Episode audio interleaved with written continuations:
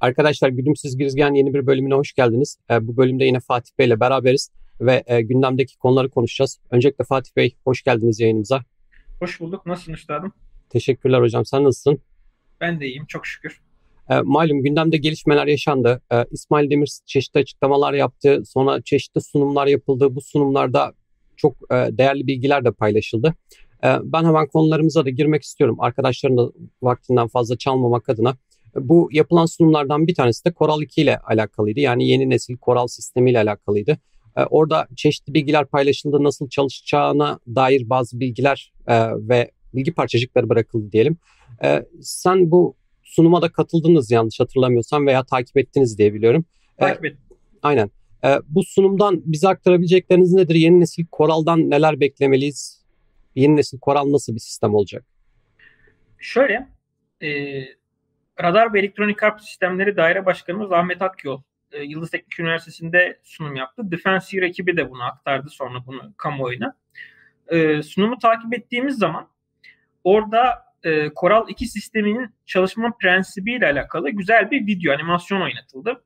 Ve biz aslında e, Coral 1'de e, zaten çok gelişmiş bir sistem kullanıyorduk. Coral 1 e, özellikle Suriye'deki harekatta doğrudan onlarca hava savunma sisteminin görevde olduğu harekatta Suriye'ye ait Rus üretimi hava savunma sistemlerini karıştırma noktasında e, Koral çok güzel görev yaptı. Koral'ın genel çalışma prensibinde e, Koral 1 için öncelikle bahsedelim. Bir adet elektronik destek, destek 4 adet de elektronik taarruz aracından oluşuyor. Dolayısıyla toplam 5 araçlık bir sistem. Ve bu araçların her biri e, MAN 8x8 kamyon ve tonlarca yük taşıyabilen araçlar, büyük araçlar üzerinde. Bizim e, GAAS dediğimiz e, bir IS anten yapısı kullanıyorlar. Yani son derece gelişmiş antenlere sahip bunlar ve bu antenler sayesinde elektronik destek sisteminde 400 kilometreye kadar, elektronik taarruz sisteminde de 200-300 kilometreye kadar ki burada net bir menzil değeri yok. Bunun olmamasının birinci sebebi hem gizlilik hem de de e, kullanıldığı coğrafyaya ve o coğrafyadaki şartlara göre bu menzillerinin değişmesiyle alakalı. Ve aynı zamanda karşıdaki taarruz edilen veyahut da sinyalini dinlenen e, radara göre de bu değişiyor. Bu sistemlerin birinci ama, amacı özellikle hava savunma sistemlerinde kullanılan, onun dışında yine erken ihbar radarları vesaire de dahil e, radarları dinlemek, bu radar emisyonlarını dinleyip kaydetmek ve sınıflandırmak, ardından da bu radar emisyonlarına yönelik taarruz icra etmek. Yani bu radarlara ya sahte sinyaller göndermek, jamming yapmak, yüksek frekansla baskılamak vesaire gibi görevler yoluyla dost e, uçar unsurların yani insan savarıcı olabilir, savaş uçağı olabilir, helikopter olabilir. O hava savunma sistemi olan bölgede rahatça hareket icra edebilmesini sağlıyor. Yine bu elektronik e, taarruz sisteminin sayesinde de başarıyla bu sistemler imha edilebiliyor. Dolayısıyla Coral e, özellikle düşman hava savunmasının bastırılması konusunda çok kritik bir sistemdi. Hatta birçok efsaneye de sebep oldu biliyorsunuz. İşte biz Suriye'ye girdik, uydular göremedi vesaire gibi ama asıl görevi bunun radarlar üzerine çalışmaktır. Böyle bahsedildiği gibi her türlü sinyali kesen, şey yapan bir sihirli bir değnek değil. Ama alanının çok başarılı bir sistem olduğunu da söyleyebiliriz. Bunu da aslında biz harekattaki kapasitesinden biliyoruz. Elektronik taarruz sistemleri ve elektronik destek sistemleri bu tarz sistemler çok önemli e, ve çok ciddi gizlilik seviyesine haiz sistemler e, hakkında öyle diğer hatta diğer hava savunma sistemleri füzelere göre vesaire kadar e, göre bile çok az bilgiye sahip olabiliyorsunuz. Menzil değerlerini falan net bilemiyorsunuz. İşte burada çünkü e, çok fazla değişken var ve bahsettiğimiz e, sistemlerin güç tüketimleri vesaire bu tarz bilgiler bile kritik bu sistemlere. Dolayısıyla zaten savunma alanı gizliğin önemli olduğu bir alan elektronik sistemlerde, elektronik harp sistemlerinde bu çok daha yüksek. Coral 2'ye geldiğimizde de biz e, Coral sisteminin biraz daha büyüdüğünü görüyoruz. Önceden e, direkt 8x8 bir araç üzerine konumlandırılan sistem bir e, trailer üstüne yüklenmiş ve bir e, çekici tarafından e, araç çekiliyor. Daha büyük bir sistem olduğunu görüyoruz. Yine elektronik destek sisteminde kullanılan bir antenin daha da büyüdüğünü görüyoruz. Ve Coral 1'de bir adet elektronik destek aracı varken Coral 2'de 2 adet elektronik destek aracı var. 4 adet elektronik taarruz aracı var. Elektronik taarruz sistemindeki araç sayısı aynı yine 4 adet. Sistemin daha büyüdüğünü büyük ihtimalle daha geniş frekans aralıklarında daha güçlü bastırma yapabilmesi için bunun e, yapıldığını görüyoruz. Elektronik destek sistemindeki araç sayısının artmasında da daha yüksek frekansta e, belki daha uzun menzillerde ki anten yapısı dediğim gibi daha büyümüş ve önemli olan bir diğer konu da burada gaz dediğimiz yerine GAN dediğimiz e, bir yapıya geçilmiş radarla şey antenlerde ve burada daha hassas hatta belki daha uzun menzilde e, sinyal dinleme ve gerekli taarruz işlemleri yapılabilecektir. E, burada animasyonu dikkat çeken diğer bir diğer unsur Coral 1 ve Coral 2'nin e, belirli yüksek mevzilere konuşlandırılarak burada o önemli çünkü bunlar yükseklere konuşlandırılarak doğal e, engeller olmadan işte dağlar vesaire binalar olmadan e, daha iyi sinyal emisyon dinleyebilmek için daha yüksek konuma e, yerleştiriliyor. Bu orada gördük. Ve hakim noktalara yerleştirilen araçların merkezi bir komuta kontrole bağlı olarak Koral 1 ve Koral 2'nin beraber görev yapabildiği bir harekat orada simüle edilmiş. Bu önemliydi. Çünkü e, biz sürekli bahsettiğimiz A merkezli harp yapısı içerisinde sadece füzelerin yine topçu sistemlerinin vesaire birbiriyle konuşması ya da harekat merkezine bağlı olması değil, elektronik harp sistemlerin de hiyerarşik bir komuta kontrol yapısına konuşlandırabilmesi önemli. Halihazırda bir elektronik harp e, komuta kontrol sistemi projemiz devam ediyor bizim. Bunlar da aktif oldukça e, bizim A merkezli harp yapımız geliştikçe, entegrasyon e, şey, e, kabiliyetlerimiz geliştikçe biz çok daha başarılı e, harp senaryoları göreceğiz. Şimdi e, e, Koral sistemi zaten dediğim gibi çok başarılı bir e, geçmişe sahipti. E, hatta efsanelere de sebep oldu. Ben yeni Koral sisteminde, Koral 2 sisteminde artık bu işin daha da ileri ilerletileceğini ve e, Türkiye'nin en kritik e, savunma sistemlerinden biri olacağını söyleyebiliriz. Bununla beraber e, daha demin bahsettiğim bir konu vardı.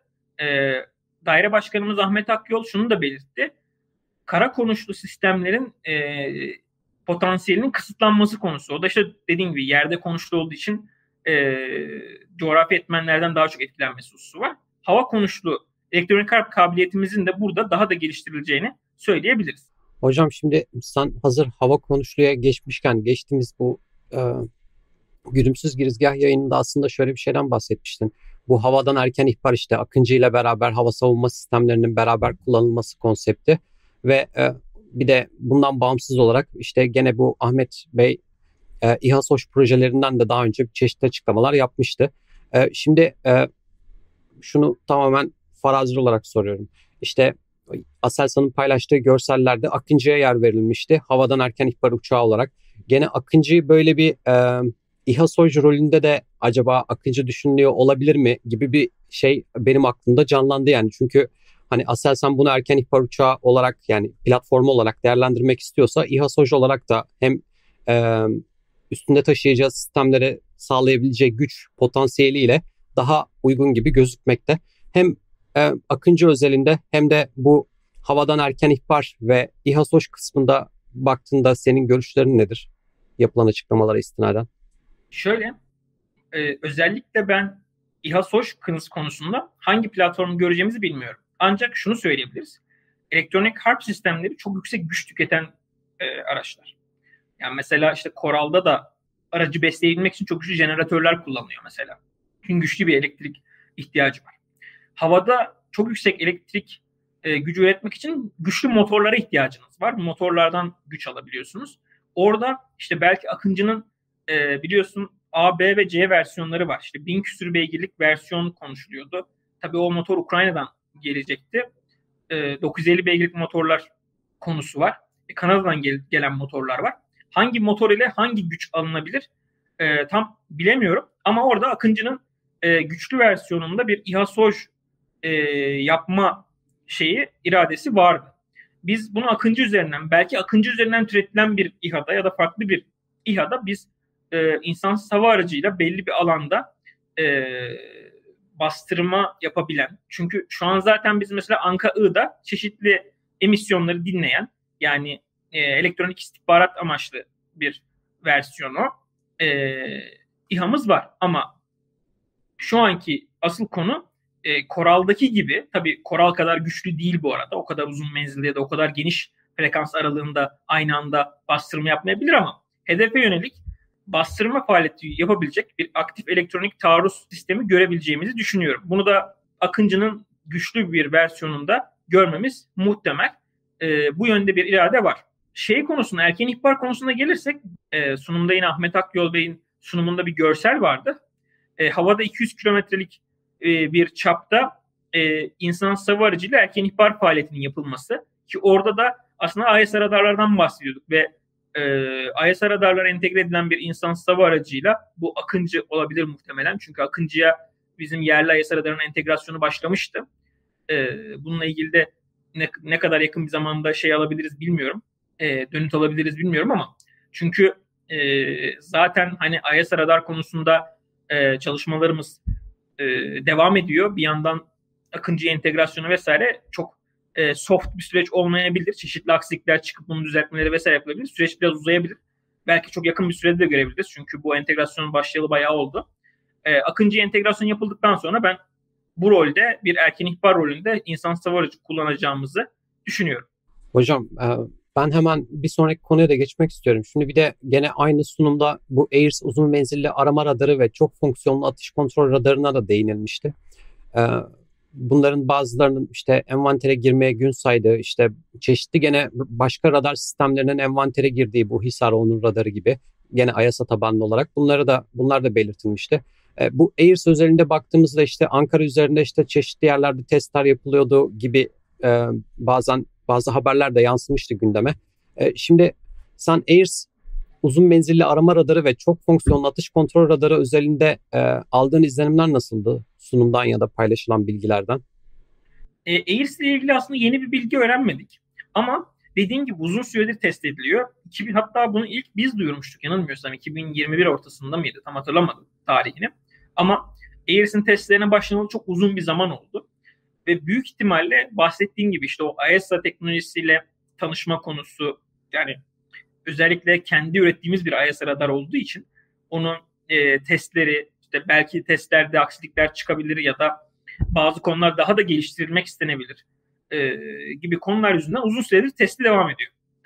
Ama sistemin ben çok uzak olmayan bir gelecekte e, envantere gireceğini düşünüyorum. Dediğim gibi çok uzun sürede test ediliyor. Üzerinde iyileştirmeler yapılıyor.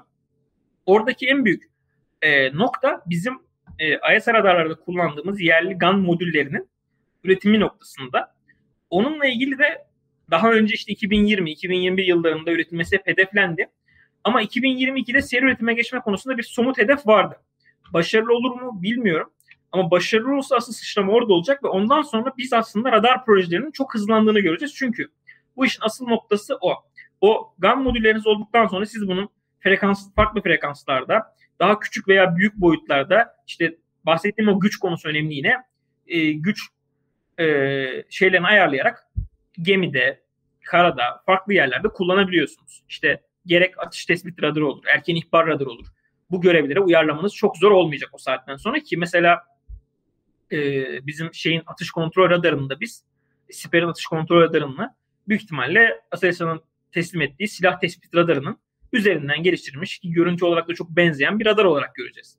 Bir de şeydi yanlış hatırlamıyorsam ben de Twitter akışlarından takip ettiğim kadarıyla çafrat kısmına da değinmişti. Ee, yani orada da bir işte ilerleme sağlandı. İşte, yanlış hatırlamıyorsam faz bir aşamasından faz 2 aşamasına mı geçildi yoksa faz 1 aşamasına mı geçildiği gibi bir şeyler vardı. Yanlışsam da arkadaşlar yorumda düzeltebilirler ama Çaftar projesinde de ben bir izlenim varmış, e, ilerleme varmış gibi algıladım yapılan açıklamalardan. Şöyle, Çaprat aslında zaten teorik olarak tamamlandı. Teorik olarak diyorum. Neden öyle diyorum? Çaprat'ın ilk bir tane yüzlü versiyonu yani Çaprat dört yüzlü biliyorsun. Dört tarafı da aynı radarlardan var ve dört yönü de tarıyor. Bu yönlerden bunun bir tane yüzü e, tamamlanıp e, TCG Gediz'di yanlış hatırlamıyorsam Gabyas'ın fırkateynlerden birinde test edildi. Hatta ben yine bir e, Gölcük'te ziyaretim esnasında bizzat e, konteynerler gemi yüklenirken oradaydım. Yanılmıyorsam yine bir bayram için şey vardı.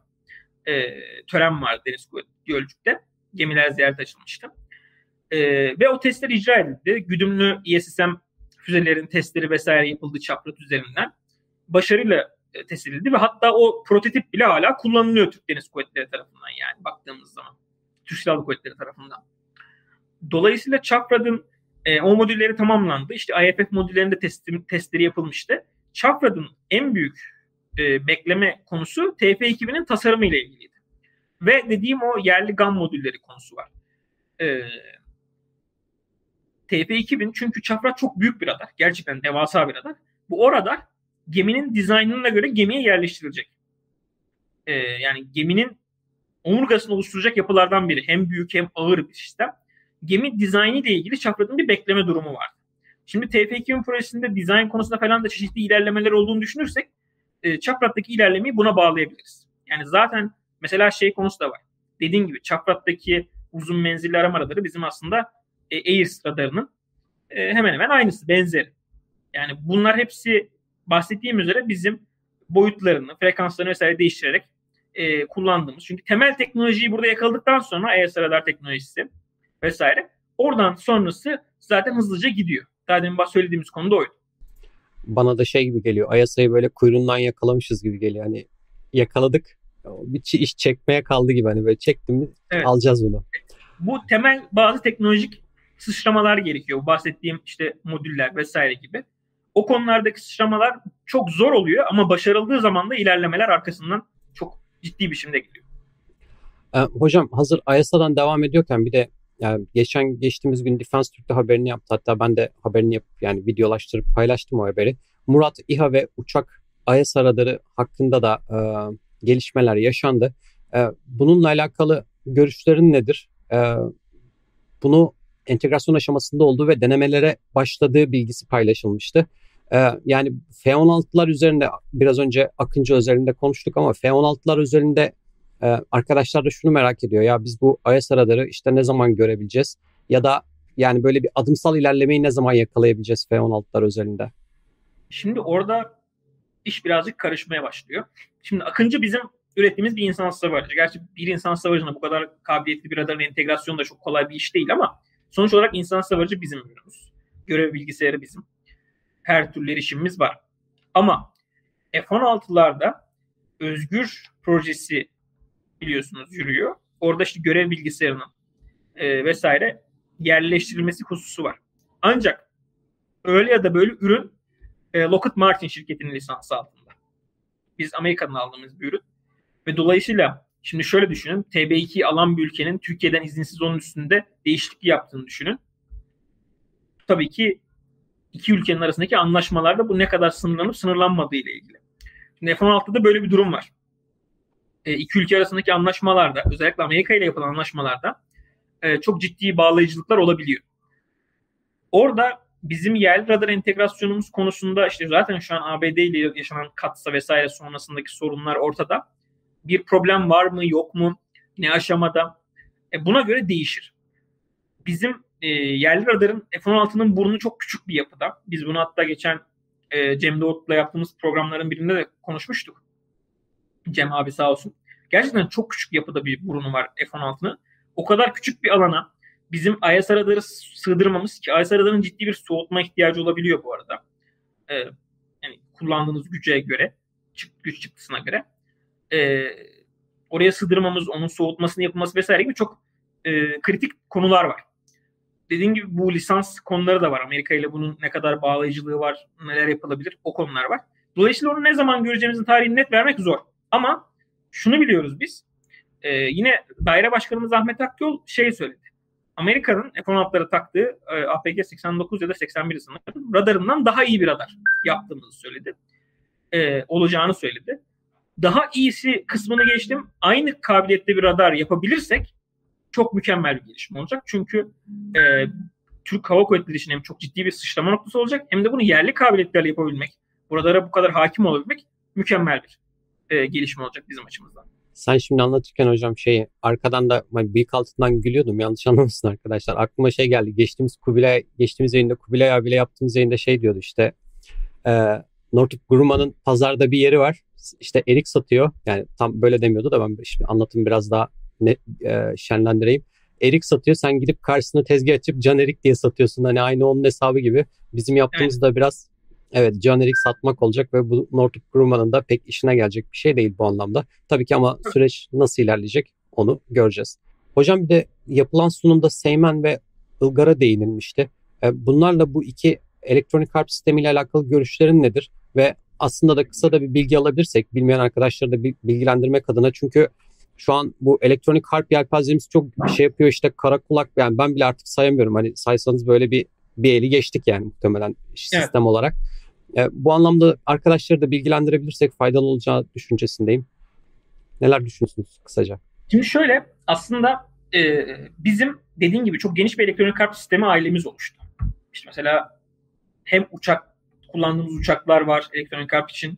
E, elektronik harp zaten kelime anlamıyla çok geniş bir spektrum. Yani e, savaşın elektronik e, spektrumda işte elektromanyetik spektrumdaki versiyonları için. İşte buna bizim ki Ahmet Bey e, şeyde sunumda da bahsetmişti. Hani burada telsiz konuşmasının karıştırılmasından, radarın bastırılmasına, hatta uçağın kendini koruma e, o e, öz koruma sistemi, işte çeşitli frekanslara jamming yapma, infrared e, şeyler için e, lazer tutarak kamaştırılması gibi birçok alanda e, elektronik harp faaliyeti uyguluyorsunuz biz. Dolayısıyla bir sürü spektrumda çalıştığınız için çok farklı sistemlere sahipsiniz. Şimdi Seymen'e bakacak olursak Seymen bizim aslında çok yaygın olarak kullandığımız yani insansız hava araçlarında, helikopterlerde, savaş uçaklarında GPS dediğimiz ki en, en yaygın ismi Amerikalıların GPS sistemi e, uydudan gelen konumlama sinyalleri var. E, bu GPS olur, GLONASS olur, BAIDI olur. Farklı farklı sistemler var. Bu e, küresel konumlama sistemleriyle platformun sinyalini kesmek için e, kullanacağımız elektronik harp sistemi Seymen olacak. Seymen bir İHA'yı örnek verelim. İHA çift e, bantla çalışıyor hatta tek de değil hatta yani çift e, şey e, uydudan haber e, uydudan konum sağlıyor. Seymen bu İHA'nın uyduyla uydudan konumunu bulmasını engelleyecek olan sistem. Çünkü bugün e, baktığımız zaman birçok sistem bu küresel konumlama sistemlerinden gelen e, sinyale bağlı. Kendi konumunu bilmek, nereye gideceğini, nasıl hareket edeceğini tanımlamak için bunlara çok ciddi önemli bağlı. Mühimmatlar da çok sık olarak kullanıyor. Biz de kullanıyoruz. İşte biliyorsunuz e, karıştırmaya dayalı küresel konumlama sistemleri biz kullanmaya başladık. Anti-Cemci e, DNS antenleri. Suriye'deki hareketlerden sonra bunu ihtiyacımız olduğunu gördük. Ama bir yandan da işte bizim de artık küresel konumlama sistemlerine sahip platformları, bu füze olur, mühimmat olur, uçak olur, e, küresel konumlama sistemlerine ulaşmasını engelleyecek elektronik harp sistemi ihtiyacımız vardı. Seymen bunun için e, Meteksan tarafından geliştiriliyor. Buradaki önemli ayrıntılardan biri de bu. Normalde bizim Ilgar olsun, Koral olsun hep Aselsan tarafından geliştirilmişti. Meteksan'ın elektronik harp sistemi altyapısının burada kullanıldığını görüyoruz. Seymen'de Meteksan tarafından çalışılıyor. Yine bir e, taktik tekerlekli araç üzerine konuşlandırılacak ve çeşitli platformların e, uydularla olan bağlantısını kesmek için e, bu sistemi biz kullanacağız. Ilgar tarafında da biz özellikle haberleşme için, muhabere için kullanılacak. Daha önce Milkar ailesi olarak biz bunu zaten çok dillendirmiştik. E, ismi daha sonra Ilgar oldu. E, VHF, UF, UHF bantlarında e, telsizleri, e, sayısal karıştırmaya karşı korunabilen telsizleri dahi karıştırabilen bir sistem. E, ve bunu yaparken de dost frekansları atlayarak karıştırabiliyor. Çünkü bir birçok farklı frekans bandı var. Bu frekansları karıştırmaya karıştırıyor. Yani düşmanın muhabere yapmasını, birbiriyle görüşmesini engelliyor. Ama dost unsurlarında bundan etkilenmemesi için dost frekansları atlıyor. Böyle gelişmiş bir sistemden bahsediyoruz. Ve e, daha demin bahsettiğimiz A merkezli harp kavramı içerisinde komuta kontrol merkeziyle koordineli biçimde çalışabiliyor. Hatta hatta uzaktan yönlendirilebiliyor da. Dolayısıyla çok gelişmiş bir sistemden bahsediyoruz burada Ilgar'dan bahsederken. Ee, Ilgar hatta şöyle söyleyebilirim. Ilgar'ın işte Milkar olarak o zaman biliyorduk. Biz yine Suriye'deki harekatlarda kullandık. Orada o kadar güçlü muhabere karıştırma yaptı ki o bölgede e, Rus unsurların birçoğu birbiriyle haberleşmesi koptu için hatta Moskova'dan Ankara arandı. Yani artık bazı unsurları haberleşemiyoruz diye. Çok ciddi anlamda başarılı bir sistemden bahsediyoruz. E, Ilgar ailesi de geliştirilmeye devam ediyor bu yönden. Çünkü e, biz her ne kadar mevcut ürünlere karşı karıştırma kabiliyetimiz olsa bile e, iletişim sistemleri de gelişmeye devam ediyor. Biz de karıştırma sistemlerini geliştirmeye devam ediyoruz. Bu anlamda biz hem muhabere anlamında kendimiz haberleşme konusunda e, sağlam haberleşme altyapısına sahibiz hem de karıştırma konusunda sağlam bir altyapı kuruyoruz. Şimdi toparlayacak olursak biliyorum izleyicilerin biraz kafası karıştı. Ilgar, Koral, biri küresel konumlama diyor, biri, biri e, muhabere diyor. Bir sürü spektrum var. Biz elektromanyetik spektrumu haberleşme için kullanıyoruz. Askerler birbirleriyle haberleşsin diye. Uydudan konumumuzu bulmak, nerede olduğumuzu tespit etmek için ya da düşman hedefine saldırmak için konumu takip etmek için uyduyu kullanıyoruz. Radarları kullanıyoruz düşmanı görmek için. Ee, ve aynı şeyleri düşman da kullanıyor. Dolayısıyla bunların hepsi ayrı bir frekans aralığı, ayrı bir spektrum demek. Ve bunların hepsinin ayrı bir hedef seti ve çalışma şeyi var. Biz tüm bunlara karşı harekat sahasında hem bu frekansları dinleyebilmek, yani elektronik destek kısmı burası. O frekansları tespit edip dinlemek ve sınıflandırmak, kaydetmek. Bir kütüphane oluşturuyoruz. Şu frekansta şu şekilde yayın yapan araç şu ülkenin şu aracı diye.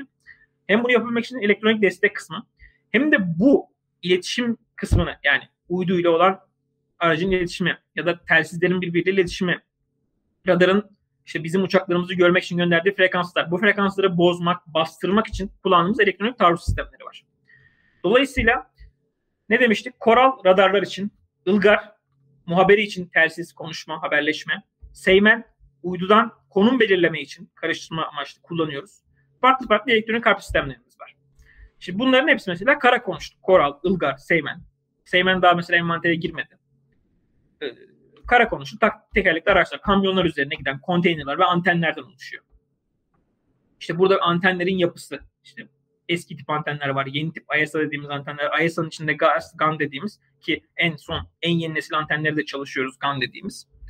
Toparladığımızda buraya çıkıyoruz. Ve ilerleyen zamanlarda mesela İHA SOŞ projesi var. Hava SOŞ projemiz var. Biz uçaklardan da elektronik harp faaliyeti icra edeceğiz. Nedir? Düşman hava savunma unsurlarını için radarları bastıran e, uçaklar olacak. Muhabere karıştırmak için kullanacağımız, muhaberenin o frekanslarda kullanacağız. Dolayısıyla biz elektronik harbin her spektrumunda Türkiye şu an çalışıyor. Hocam ben şu an senin anlatımından bir de aklımda şu canlandı. Şu an işte elimizdeki bütün enstrümanları farklı spektrumlarda işte farklı şekillerde e, elektronik harp yapabilen unsurlar var. E, bunun haricinde silah sistemleri var. İşte hava savunma sistemleri var. Yani savunma sistemleri var. Bunların hepsini böyle bir önümüze serdiğimizde e, bir sürü sistem çıkıyor karşımıza ve aslında e, siz an, sen anlatırken aklımdan da şu geçiyordu. Yani bütün bu komple sistemi e, koordineli bir şekilde çalıştırabilmek de aslında çok büyük bir iş yani. Hani e, işin arka planı kısmı bende şu an çok şey e, nasıl söyleyeyim kafa karışıklığı yarattı biraz. Muhtemelen şu an düşünen arkadaşlar da diyecektir ki ya işte farklı bantlarda işte birisinde GPS, birisinde VHF, UHF işte birisinde farklı farklı şeylere e, spektrumlarda farklı alanlara şey yapıyorsun, e, baskılama yapıyorsun ya da işte dinleme yapıyorsun, bir şeyler yapıyorsun. Ama bunların hepsini e, kim karar veriyor, nasıl yönetiliyor? E, yani bu soru da aklıma geldi. Eğer bilgin varsa bununla alakalı da muhtemelen arkadaşlar da merak ediyorlardır. Onları da bilgilendirmiş olalım. İşte bu konunun en cafcaflı noktası burası. Sadece şimdi mesela şimdi harekatta şu şekilde işlemiyor. Elektronik harpçiler burada, uçaklar burada, hepsi görevleri yapıyor falan. Bu böyle değil. Nasıl oluyor? Düşman hava sahasında hedefler var. Bu hedeflerin belir vurulması gerekiyor. Oraya uçar unsurlar ulaşacak. İşte oradaki tehlikeye göre atıyorum standoff menzilden yani o hava savunma sisteminin menzili dışından hedef vurulması gerekiyor. Ya da tüm hava savunma sistemlerinin tespit edilmediği düşünüyor. Yani o bölgede bazı mobil sistem yani hareket edebiliyor. Nerede olduğunu tam bilemiyorsunuz. 724 gözetlemeniz mümkün değil. Kimi unsurlarınız orada sinyalleri dinleyip tespit etmeye çalışıyor. O sinyallerin olduğu nokta görüntü alınmaya çalışıyor daha sonra uzak mesafelerden belki İHA ile vesaire. Bunların hepsinin koordinasyonlu bir şekilde yapılması için mesela Türk Silahlı Kuvvetleri şu anda e, ki bunu biz e, yazmıştık. Ben Türk'te makale olarak ben Türk Silahlı Kuvvetleri'nin operasyonel konseptini çizmiştim. Bizim harekat merkezlerimiz oluyor. Mesela Hatay'da bir harekat merkezimiz vardı bizim Suriye'deki operasyonu kurulmak için ki o harekat merkezi Hatay'daki merkez Ankara'ya da bağlıydı bizim TSK'nın TAPIX dediğimiz e, ülkeyi kaplayan fiber şeyleri var, iletişim ağı var kendi özel. Bununla beraber hepsi birbirine bağlı. TAPIX de bağlantılıydı. Oradan şöyle bir şey oluyor. Bir yandan işte Eskişehir'de yanlış hatırlamıyorsam Hava Kuvvetleri'nin harekat merkezi var. Bu Hatay'daki harekat merkezi Eskişehir'le haberleşiyor. Aynı anda topçu birlikleriyle haberleşiyor. Topçu birliklerinin dışında elektronik harp sistemleriyle haberleşiyor. Bu harekat merkezi hepsini koordine ediyor. Ne oluyor? Deniyor ki biz harekat hedefler belirlendi, hareket icra edilecek. Ne olacak? Önce topçu sistemleriyle çeşitli atışlar yapılacak. Topçu sistemler ateşe başlıyor. Elektronik harp sistemleri devreye giriyor. Elektronik harp sistemleri devreye girdikten sonra hava kuvvetleri devreye girince topçular atış kesiyor. Hava kuvvetleri devreye giriyor. Bombardımanı yapıyor. Hava kuvvetleri çıktığı zaman yine topçu sistemleri baskı devam edebiliyor ve elektronik harp sistemleri duruyor vesaire gibi. Ya da elektronik harp sistemleri bölgedeki e, spektrumları dinlemeye devam ediyor. Bunların hepsi kontrol altında, koordineyle ve inanın dakikalar içinde yapılıyor. Bu Türk Silahlı Kuvvetleri'nin zaten e, kilit başarısı da buradan kaynaklanıyor. Bizim hatta A Merkezi Sohbetler programının isminin A Merkezi Sohbetler olmasının sebebi bu. Bu işin önemini anlatmak için bu kadar çok savaş sarf ettik. Şöyle çok ciddi bir altyapı çalışılıyor. Daha demin bahsetmiştim. Elektronik harp sistemlerinin hepsinin koordine edilebilmesi için de elektronik harp sistemi komuta kontrol sistemi projesi devam ediyor. Tüm elektronik harp sistemlerinin ortak ağdan e, koordine edilebilmesi için bir e, elektronik harp projemiz var. Hava kuvvetlerinin yine tamamının belli bir e, komuta kontrolde modern bir şekilde e, yönetilebilmesi için proje yürüyor. Kara kuvvetlerinde de bünyesinde de zaten projeler daha önceden de vardı. E, bu yönde biz hava savunma sistemlerini kontrol edebilen bir hava komuta hava kontrol sistemi var. Elektronik harp sistemlerini kontrol edebilen, kontrol, ede, kontrol edebilen bir e, komuta kontrol sistemimiz var. Deniz kuvvetlerinin gemilerin direkt A merkezli harbi uygun yani Advent sisteminden birçok yapıyı kontrol edebileceğiniz komuta kontrol sistemleri var. Deniz kuvvetlerinin üstte kullandığı sistemler var. Tüm bunları hepsini bir araya getiren işte TSK'nın harekat merkezleri var farklı yerlerde. İşte mesela Hava Kuvvetleri'nin Eskişehir'de var. Ee, Genelkurmay'ın kendi Ankara'da harekat merkezi var. Hatay'da daha önce yapılmıştı. Dolayısıyla burada burada en öne çıkan ikinci konu da e, bizim kurmay kadromuz. Yani tüm bu yapıyı yönetebilecek e, kurmay becerisine ihtiyaç var. Olay hem teknik altyapı hem de kurmay kabiliyet noktası. Geçtiğimiz haftalarda eski avukatları komutanımızın bir şeyi vardı. Biz tüm kurmaylarımıza e, tüm hava sahasını yönetebilecek kadar ciddi eğitim veriyoruz demişti. E, eski avukatları komutanımız Abidin Ünal Paşa. Bu, en önemli kabiliyetimiz bu noktada. Hem askeriyemizde bu kabiliyeti e, yönetebilecek kurmay kadrosu yetiştiriliyor. Umarım ki bu kalite hiçbir zaman düşmeden daha da artarak devam eder içmeye. Hem de biz tüm bunları yönetebileceğimiz hava e, hava diyorum, hava, kara, deniz e, farklı yerlerdeki komuta kontrol istasyonlarını, komuta kontrol sistemlerini inşa etmeye devam ediyoruz. Aslında biraz önce verdiğiniz örnek de hocam şeydi yani sadece bir senaryo içinde bunun çok farklı senaryolarda farklı harekat e, konseptleri uygulanabiliyor ve ona göre de farklı şekillerde de şu an ben düşününce aklımda tabii ki farklı uygulamalar da yapılıyor olabilir. Hani ama tabii ki bizim verdiğimiz sadece bir senaryo için olan bir örnekte. Bunu Ki bu e, senaryo hem gerçekten icra edildi Suriye'de hem de daha elektronik kart komuta kontrol sistemimiz vesaire gibi projelerimizin hepsi tamamlanmadan önce yapıldı bunlar. Yani daha da zordu. Biz işte TAP2'si kullandık vesaire e, TSK'nın çeşitli orada komuta kontrol sistemleri var. E, bunları kullanarak zaten Tasmus vesaire gibi sistemler de var. Mesela şimdi Tasmus Z diye bir sistem var mobil. Cobra tipi bir aracın üstüne antenler vesaire var. Biz daha önce paylaşmıştık. Tasmus Z diye yazarlarsa görürler. E, mobil bir şekilde komuta kontrol araçları var. Röle araçları var. Dolayısıyla bu konuda altyapılarımızı biz henüz daha tamamlamadan böyle bir hareket icra ettik. Ve altyapıları çalışmaya devam ediyoruz. Ee, arkadaşlarım merak ettiği bir diğer konu da ve özellikle çok tartıştığı bir diğer konu da bu Kazakistan'la işte o ankaların ortak üretilecek olmasıydı. Hatta orada üretim tesisinin kurulacağıydı. İşte e, benim yaptığım haberde de paylaşımlarda da arkadaşlar şunu diyorlardı. Ya e, Rusya'nın arka bahçesi bizim orada yapacağımız herhangi bir ortak üretim ve bilgi paylaşımı işte direkt Ruslara gidecek ya da yani bu anlamda kısaca e, Kazakistan'a güvenmediklerini belirtiyorlardı. E, senin bu e, ortak üretimle alakalı ve Kazakistan'ınla alakalı düşüncelerin, görüşlerin nedir? Gerçekten Rusya'nın arka bahçesi mi? Ve aslında orada bir ortak üretime girmek sence bir risk taşıyor mu? Yoksa bu sadece e, bizim kendi düşüncelerimiz, hani kendi algımızı mı böyle yönlendiriyoruz? Şimdi şuradan başlayabiliriz. Kazakistan e, dinamiği farklı olan bir ülke. Kazakistan Rusya ile olan bağlarını azaltmaya çalışan bir ülke bu yıllarca böyle sürdü. Tabii geçtiğimiz yıl yaşanan olaylar Kazakistan'daki işte Rusya'nın oraya müdahalesi vesaire insanları tekrar oranın Rusya'nın arka bahçesi olduğu konusunda bir e, yaklaşıma sundu. Haksız değil. Doğru ciddi bir Rus etkisi var. Rus nüfus da var yani. Çok ciddi bir Rus nüfus var Kazakistan'da.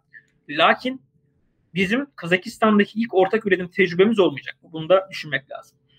Şöyle bakmak lazım ki dediğim gibi Rus etkisini de azaltmaya çalışan bir Kazakistan. Hatta şu anda işte Türkiye'ye geldiler, Türkiye'de temasları kurdular. Buradan Azerbaycan'a geçtiler. Azerbaycan'la ortak tatbikat yapma e, durumları var vesaire. İşte büyük ihtimalle orada şu da bir etken. Azerbaycan'ın Türkiye ile ve İsrail ile de kurduğu ilişkiler ve bunun üzerinden ordusunu çok ciddi anlamda modernize edip başarılı bir şekilde harekat icra edebilme kabiliyeti, güvenlik anlamında çok ciddi bir başarı icra etmesi Kazakistan'ın dikkatini çekti. Türkiye'nin e, büyük ihtimalle aktif siyaseti de ve Türk keneşi vesaire gibi yapılarla bunu desteklemesi de oradaki varlığımızı artıracak gibi gözüküyor. Ama dediğim gibi bizim Kazakistan'la yeni gidişimiz değil. Şu anda halihazırda Aselsan Kazakistan Engineering adında yarısı Kazakistan'a yarısı Türkiye'ye ait olan bir şirket var orada. Ve orada da ortak üretimler yapılıyor. Mesela Kazakistan ordusu için yanlış hatırlamıyorsam telsiz, elektrooptik sistemler, e, bu bizim Sarp'ın Rus silahları kullanabilen Sarp, NSB vesaire gibi versiyonları bu tarz ürünler orada üretiliyor. Ama şu bu üretimler Türkiye'deki gibi çok kapsamlı üretimler değil. Biraz daha montaj gibi e, ve o sistemlerin bakım, onarım, altyapıları gibi konular üstünden yürünüyor. Yani mesela Türkiye'de Ankara'nın birçok şeyini yerli olarak yapıyorsunuz ama Kazakistan'a büyük ihtimalle Ankara'nın parçaları gidecek. Gövdesi vesaire. Belki gövdeyi orada üretirsiniz. Bu çok aşırı kritik değil. Ama yine de TUSAŞ'ın buradaki tesisleri göz önüne alıp orada tekrar bir kompozit tesis falan kurulmaya çalışacağını ben zannetmiyorum. Buradaki elemanlar hazır olarak gidilir. Bazı basit şeylerin orada yapımı yapılır ve montaj edilir. Benim beklentim, beklentim bu yönde. Ee, dediğim gibi Aselsan'ın oradaki ortaklığında da böyle bir yapı oldu zaten. Türkiye'den birçok şey gidiyor ve orada e, birleştiriliyor. Bu ne sağladı? Kazakistan'a belli bir oranda tecrübe kazandırdı. En büyük olay da Kazakistan orada bu ürünleri kendisi bakım, onarım ve altyapısını sürdürülebilir şekilde sağlamış oldu. Bu bir ülke için çok önemli. Bunu biz de yıllarca yaptık. Birçok üründe Türkiye'de e, işte montajı olsun vesaire yaparak tecrübe kazandık. Ama bu Türkiye'nin tüm kritik bilgilerinin o ülkeye aktarılacağı anlamına gelmiyor. Mesela e, Rusya-Ukrayna savaşında Ukrayna Rusya'nın en büyük sorunu muhabereydi. Yani kriptolu, modern, e, frekans atlamalı telsiz e, sıkıntısı var. Biz Kazakistan'la bunları temin ettik, Ukrayna'ya temin ettik. O dönemde bunların gizliyle ilgili birçok çekince vardı ama bir sorun olmadı. Yani Rusya hala o konuda bir aksiyon alamadı. Yani öyle bir teknolojinin o kadar kolay hani hemen çalınması vesaire şey yapması öyle çok kolay değil. Anka'nın da ben orada e, Türkiye'nin ciddi önlemler aldığını düşünüyorum buna karşı. Anka konusunda da.